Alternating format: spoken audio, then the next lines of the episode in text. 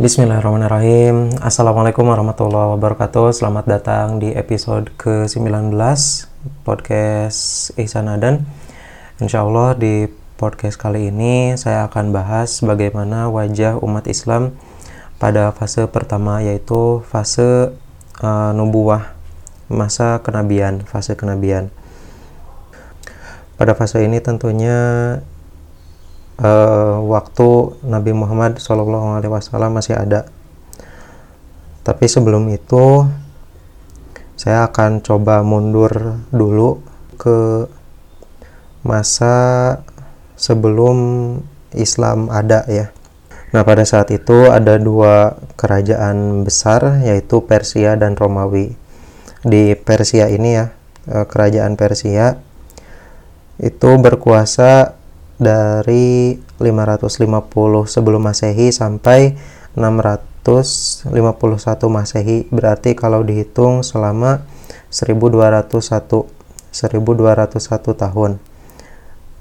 Nah, luas wilayah kekuasaan Persia ini mencapai 7.400.000 km persegi.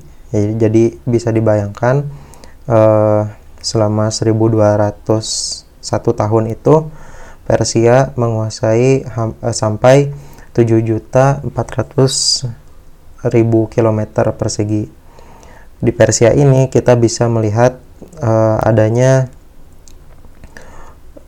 reruntuhan gerbang kota Cesipon. Cesipon ini teman-teman mungkin bisa search sendiri di Google yang mana Cesipon ini dia bentuk ada apa ya seperti kubah gitu. Padahal pada waktu itu ya teknologi belum canggih-canggih amat. Berarti kita bisa menilai bahwa e, peradaban Persia waktu itu udah canggih lah ya. Padahal ini dibuat pada abad ke-6 bukan pada abad sekarang. Abad ke berapa sekarang? 20 ya. Nah Terus di samping Persia itu di sebelah timurnya eh, di sebelah sorry se sebelah baratnya Roma di sebelah baratnya Persia ada Roma gitu ya yang mana Roma ini berkuasa dari eh, 27 sebelum Masehi jadi eh, Roma ini lebih awal dan berkuasa sampai eh, tahun 1456 Masehi. Jadi Roma ini berkuasa lebih lama daripada Persia Roma ini berkuasa selama 1480 tahun dan mencapai luas wilayah kekuasaan 5 juta kilometer persegi. Uh, lebih sedikit ya, tapi lebih sedikit daripada Persia. Ke Persia tadi 7 juta 400 ribu, ini Roma 5 juta kilometer persegi. Bisa dibayangkan uh, dua ini ya dua peradaban gitu, ada peradaban Roma dan peradaban Persia Persia sebelah kanan atau sebelah timur dan Roma itu di sebelah kiri atau sebelah barat. Terus pada e, nol Masehi ya. Nol Masehi itu kan e, tandanya adalah lahirnya Nabi Isa alaihi salam.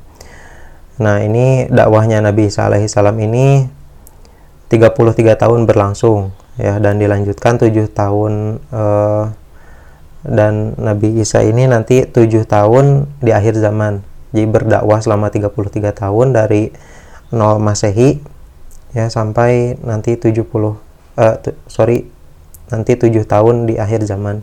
Bicara tentang Roma ya bicara tentang Roma itu ada Kaisar Konstantin. Dia berkuasa dari tahun 306 Masehi di tahun 306 Masehi. Dan terjadi asimilasi pagan dan Nasrani pada tahun 326 Masehi lewat Konsili Nisea. Nah, ini eh, dari sinilah berawal ya, berawalnya pemisahan antara peraturan agama ya waktu itu per, eh, peraturan di Nasrani dan peraturan di kerajaan. Jadi udah mulai tuh kehidupan di dunia ya kehidup uh, apa peraturan di dunia dan peraturan di uh, agama itu dibeda-bedakan. Nah, uh, loncat ke tahun 570 Masehi ya, hadirlah seorang nabi ya, seorang nabi Nabi Muhammad Shallallahu Alaihi Wasallam.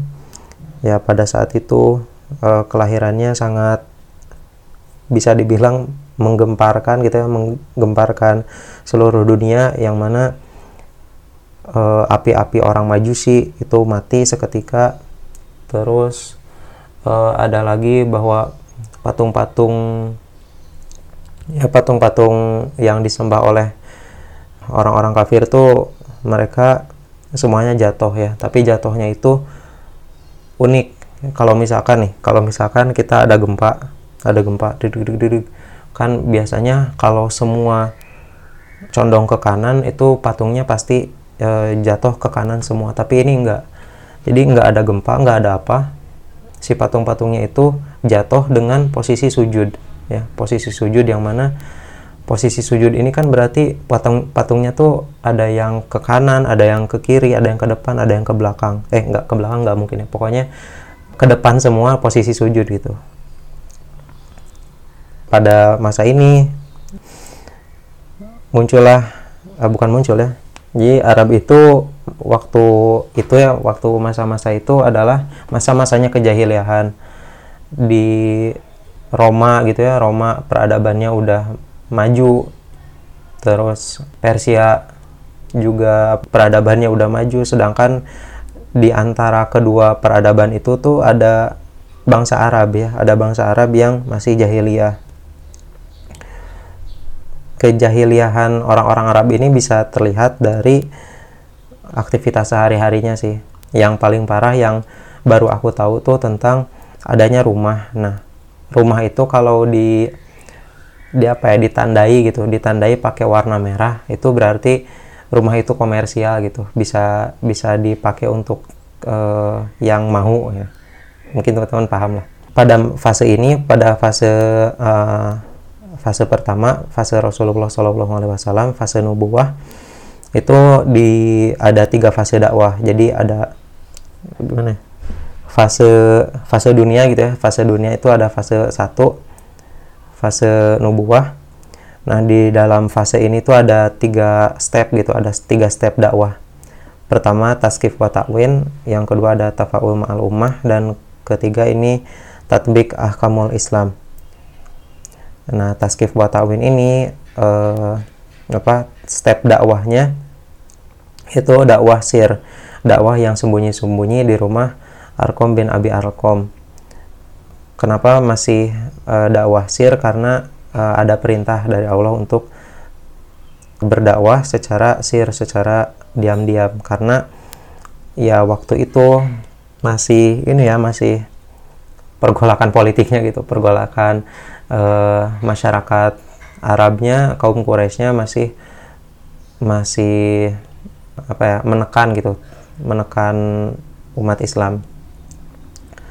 Tapi uniknya pada fase ini adalah ada uh, abu adanya pemuda gitu ya pemuda dari Al Ghifari Al Ghifari ini tempat ya namanya kota Gifar itu Abu Zar ya namanya Abu Zar datang ke uh, datang ke Mekah datang untuk menemui Rasulullah Shallallahu Alaihi Wasallam.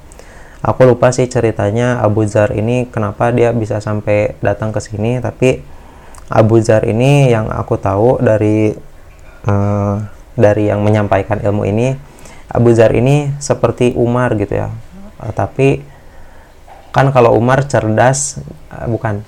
Kalau Umar itu berani dan cerdas. Nah, tapi Abu Zar ini cuma ada sifat beraninya aja ya, cerdasnya mungkin ya jauh lah dari dari Umar gitu. Tapi Abu Zar Al Ghifari ini uh, dia berhasil gitu, berhasil uh, mendakwahkan Islam di kotanya, di kota Gifar. Dan yang setahu aku kota Gifar ini kotanya kayak kayak apa ya pusatnya para preman gitulah ya. Uh, kriminal tapi bukan kriminal juga ya tapi di sana tuh emang suka suka perang gitu. Dan kerennya lagi di Taskif buat Ta'win ini Rasulullah Shallallahu Alaihi Wasallam berdoa kepada Allah yaitu doa untuk dua Umar ya. Maka sampaikanlah olehmu uh, doa di antara dua Umar ini kan Umar Umar bin Khattab atau Umar pamannya Nabi gitu. Umar siapa ya? Aku lupa sih namanya nah pada saat ini uh, udah mulai nih udah mulai untuk dari yang awalnya dakwah secara sembunyi-sembunyi menuju dakwah secara terang-terangan. Disebutkan dalam Al-Quran surat Al-Hijr ayat 94 maka sampaikanlah olehmu secara terang-terangan segala apa yang diperintahkan kepadamu dan berpalinglah dari orang-orang yang musyrik. Jadi uh, Allah sudah memerintahkan untuk dakwah secara terang-terangan uh, menyampaikan secara terang-terangan gitu. Masuklah umat Islam pada saat itu di tahap tafaul ma'al ummah. Tafaul ma'al ummah ini udah mulai tuh. Banyak darah-darah kaum muslim yang tertumpah karena karena menantangnya pada saat ini adalah pada step ini dakwah udah terang-terangan tetapi umat muslim itu tidak boleh melawan umat muslim itu tidak boleh melawan secara frontal gitu. Jadi kita menyampaikan terus menyampaikan. Tapi ya ini uh, tekanan dari kaum kafir Quraisy lah. Kayak Bilal gitu ya Bilal di apa ditimpa uh, oleh batu yang gede banget. Dan ya banyaklah kisah-kisah uh, umat Islam yang kalau ya kita nonton ya kalau tahu teman-teman nonton di film Umar itu ya pengen sedih lah rasanya kalau ingat-ingat perjuangan para apa ya para para pejuang gitu ya pada para pejuang Islam pada saat itu. Tapi pada step tafaul mal umah ini ada beberapa orang yang hijrah. Ya, beberapa orang hijrah ke Raja Najasyi untuk meminta perlindungan. Perlindungan Raja Najasyi. Jadi Raja Najasyi ini orang Kristen, tapi dia paham itu, paham tentang kayak kebaikan itu kayak gimana. Jadi Raja Najasyi melindungi orang-orang Muslim uh, dari apa ya dari tekanan gitu dari tekanan orang-orang kafir pada saat itu. Ya mungkin teman-teman juga pernah nonton ceritanya di film serial Umar ya. Coba deh itu nonton beresin. Uh, di fase ini juga adalah tahun-tahun kesedihan bagi Rasulullah Shallallahu Alaihi Wasallam.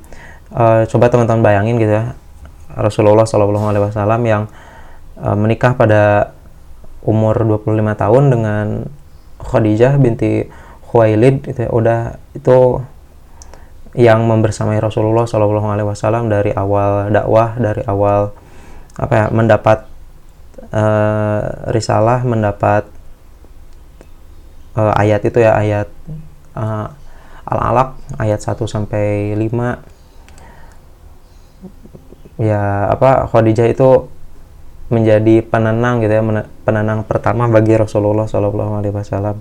Istri tercinta juga ya. Terus meninggal itu ya uh, uh, ibu ibu kita ya ibu semua umat Islam Khadijah binti Huwailid terus meninggalnya Abu Talib ya dalam kekafiran. Padahal Abu Talib ini kan pamannya Nabi gitu ya udah support banget uh, sama dakwah-dakwahnya Nabi Muhammad SAW tapi ya paman paman yang apa ya paman satu-satunya paman gitu yang uh, support dakwah Rasulullah. Tapi ya sedih gitu ya rasanya sedih banget ketika orang ya apalagi ini masih ada ikatan darah gitu ya. Udah support banget uh, dakwah Rasulullah SAW eh tapi meninggal gitu ya meninggal dalam kekafiran. Dan pada tahun ini masih gagal upaya untuk talabun nusroh. Talabun nusroh tuh aku lupa sih tapi insya Allah lah. Cari dulu ya nah tapi pada tahun selanjutnya uh, Allah itu memberi penawar kesedihan bagi Rasulullah Shallallahu Alaihi Wasallam yaitu dengan adanya Isra Mi'raj ya. Allah memberi hadiah Isra Mi'raj kepada Nabi Muhammad Shallallahu Alaihi Wasallam sebagai uh, penawar kesedihan. Udah ma ya tahun sebelumnya sedih banget gitu ya. Terus Allah ngasih ya udahlah ini hibur uh, Rasulullah dengan cara Isra dan Mi'raj.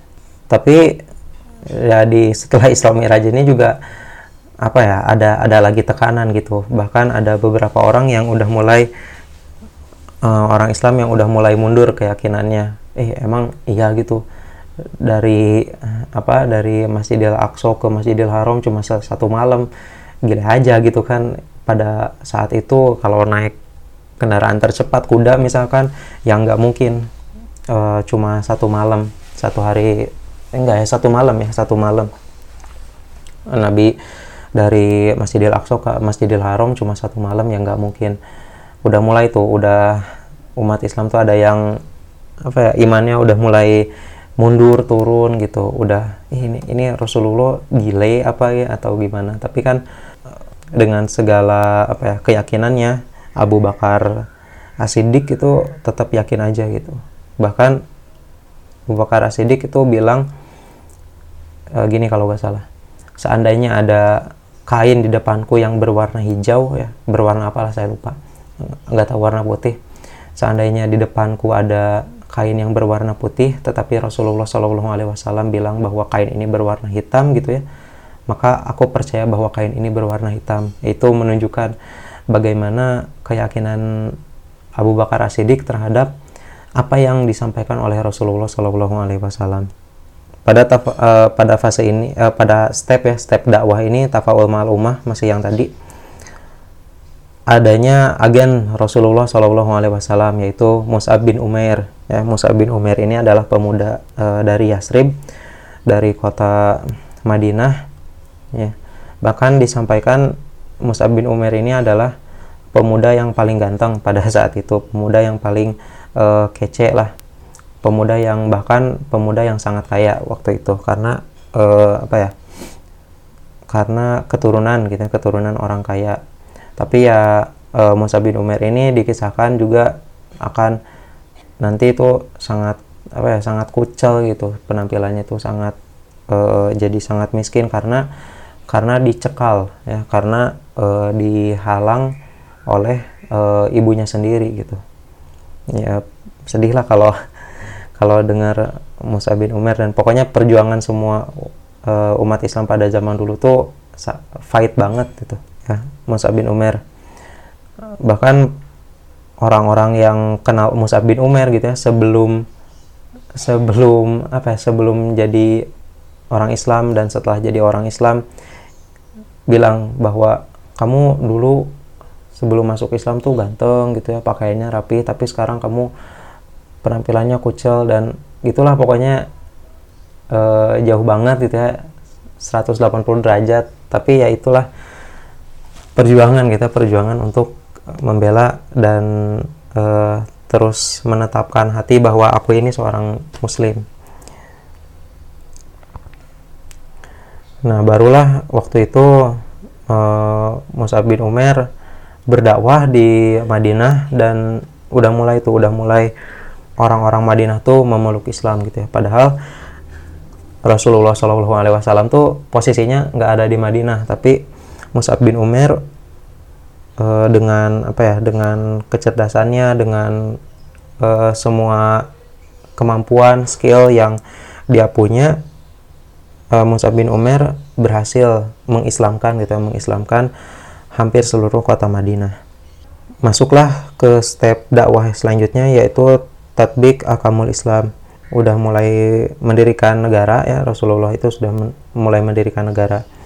Tapi uh, ketika sudah ada negara tatbik uh, akamul Islam ini menjadi awal-awalnya tahun-tahun peperangan. Karena udah ada tuh kayak apa perang Badar ya perang Hondak perang apalagi ya perang Pare itu perang perang Hondak ya sama aja.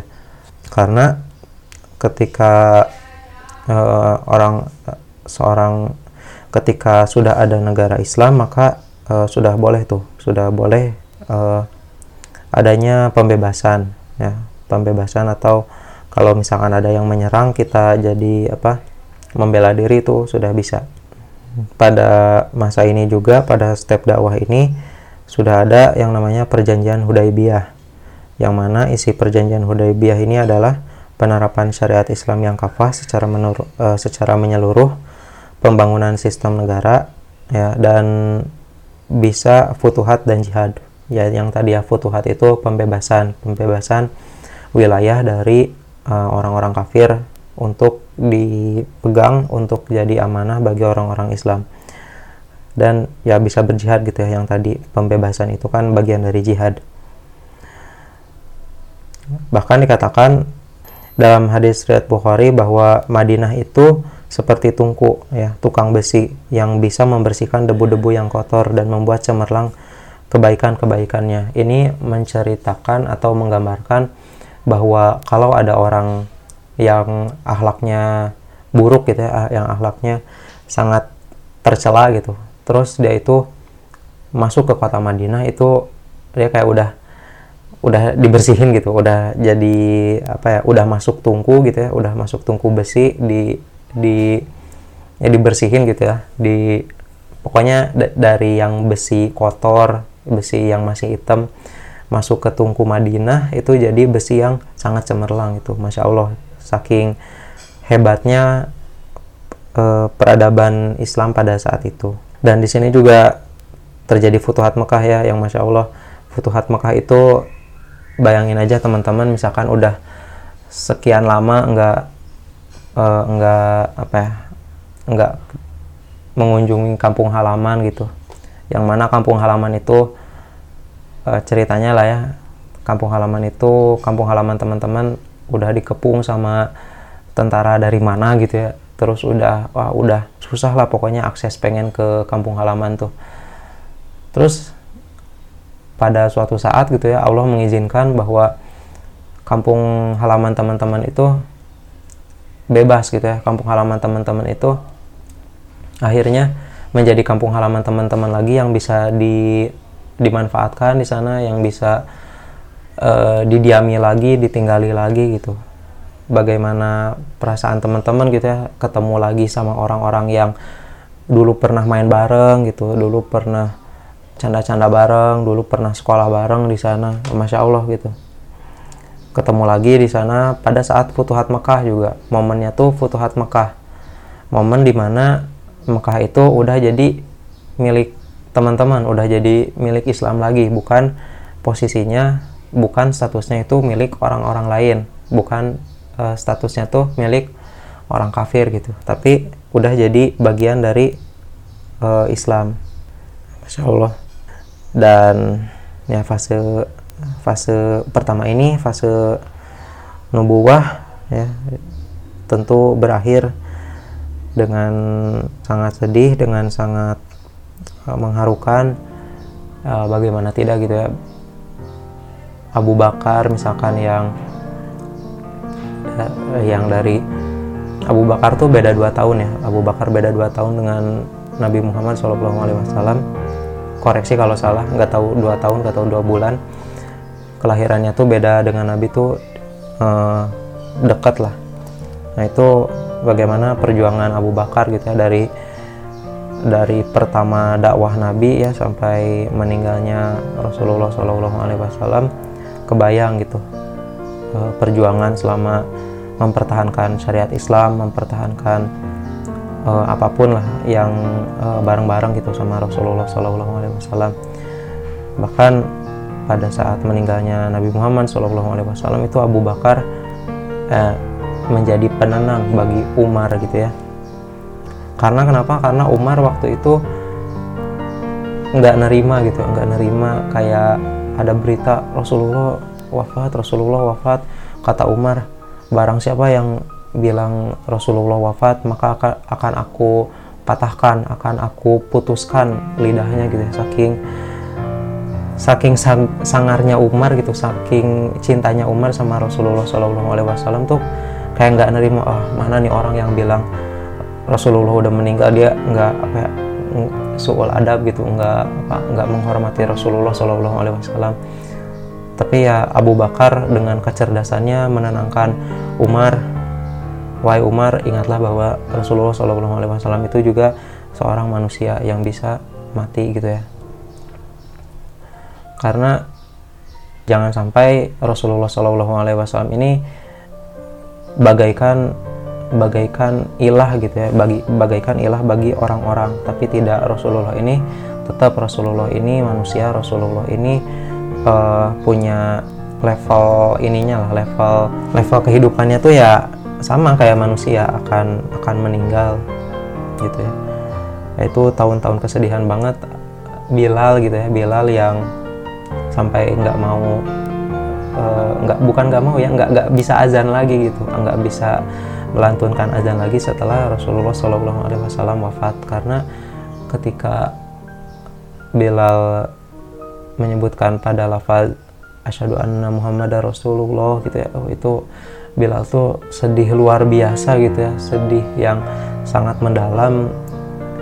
Gak tahu deh kita bisa sampai ke level sedih kayak gitu atau enggak gitu ya. Kayaknya harus kita nih lebih menggali lagi bagaimana perjuangan Rasulullah Shallallahu Alaihi Wasallam pada saat itu ya. Kita harus baca lagi sirah nabawiyah bagaimana peperangan yang dilakukan oleh Rasulullah Shallallahu Alaihi Wasallam bagaimana Rasulullah Shallallahu Alaihi Wasallam itu meneguhkan orang-orang Muslim pada saat itu. Ya sampai segitunya gitu. Dan kita tuh kehilangan gitu ya pada saat itu udah kehilangan. Mungkin kita bisa sebut dia itu Rasulullah itu teman curhat gitu ya Rasulullah itu teman perjuangan Rasulullah itu teman teman ke mana-mana bareng gitu ke mana-mana kalau ada masalah nanya ke Rasulullah. Kan teman-teman gitu ya kalau berpisah sama teman yang udah best friend banget gitu. Ya ini Rasulullah nih best friend buat para sahabat waktu itu para sahabat terdekat waktu itu. Rasulullah Shallallahu Alaihi Wasallam wafat meninggalkan kita ya dengan tetap uh, walaupun Rasulullah Shallallahu Alaihi Wasallam wafat uh, Allah tidak wafat gitu ya. Allah tidak uh, akan meninggalkan umat Islam ini sendirian. Allah tetap akan memberikan rahmat bagi umat Islam yang selalu tetap dalam di jalan dakwah gitu ya dengan secara bersama-sama. Nah gitu teman-teman. Fase pertama selesai ya dengan uh, dengan wafatnya Rasulullah Shallallahu Alaihi Wasallam. Dan dilanjutkan uh, fase kedua yaitu yang udah aku ceritain sedikit.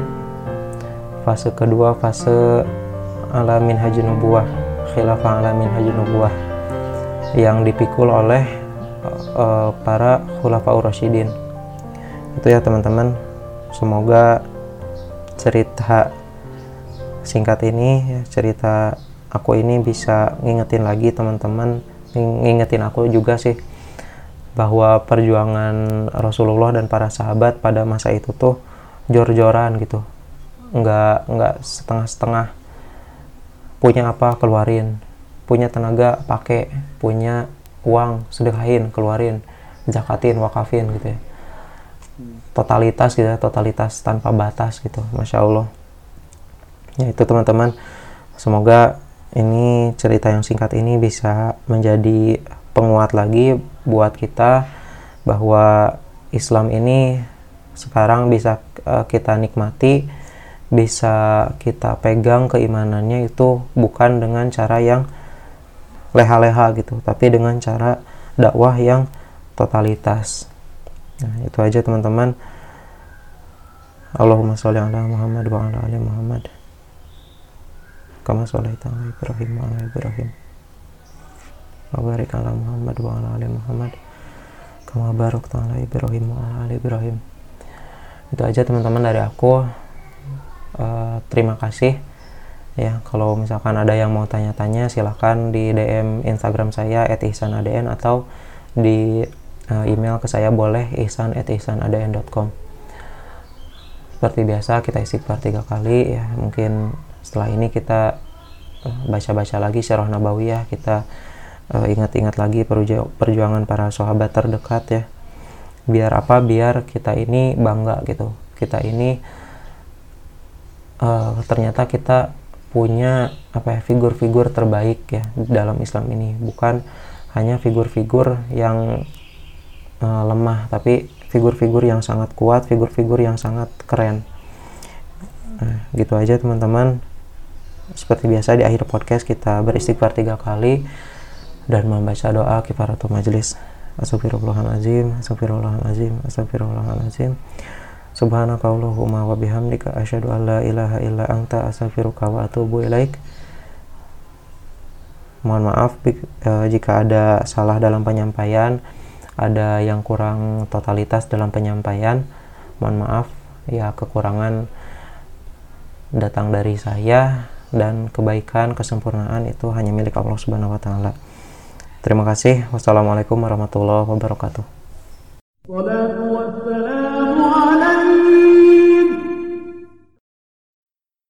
Ya